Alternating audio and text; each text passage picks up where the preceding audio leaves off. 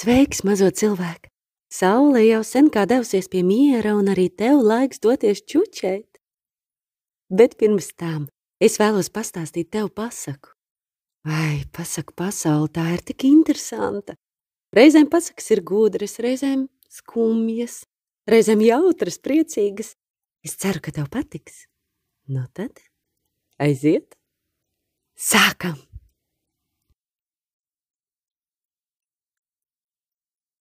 Latviešu tautas pasaka Kuilītis. Kuilītis bija nodomājis mājas celt. Viņš lūdza vērsi, tekuli, lāci, zostēviņu un gaili talkā.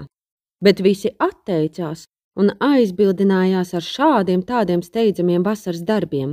Vērsim jābeidzot pļāva pļaut, tekulim jāmācot jēriņi lēkāt, badīties, lācim jāpārlūkojot dravas, zostēviņam jāsargājot zoslēni un gailimi krītiņas jāmodinot puiši un meitas.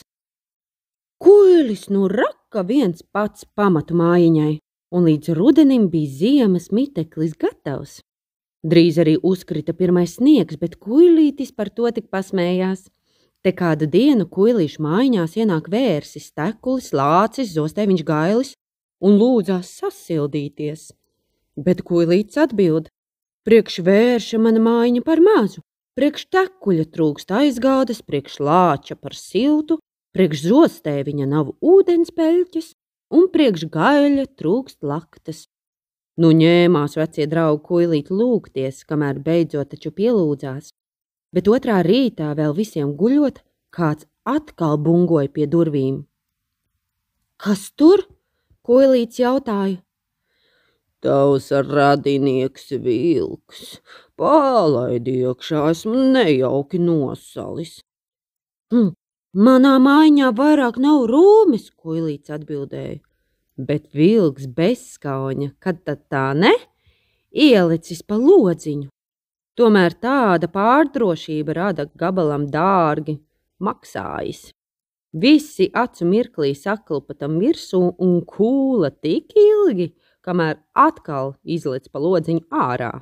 Lapsa to redzēdama, izlikās ļoti nožēlojam vilku. Tā grib vilku piejokot un tādai saka: Krustēl, tāda netaisnība nu diena vēl nav redzēta, bet krustēl, kas mums ar šiem pintiķiem? Kāp man mugurā, es aiznesīšu tevi, sasistos kādu vietu, kur guļa tik silta kā pirtī. Vilks paklausīs, bet tikko vilks kūmiņam mugurā, te kūmiņš bļauj pilnā kaklā. Nākat, nākat skatīties, kā nekūtais izkulto nes.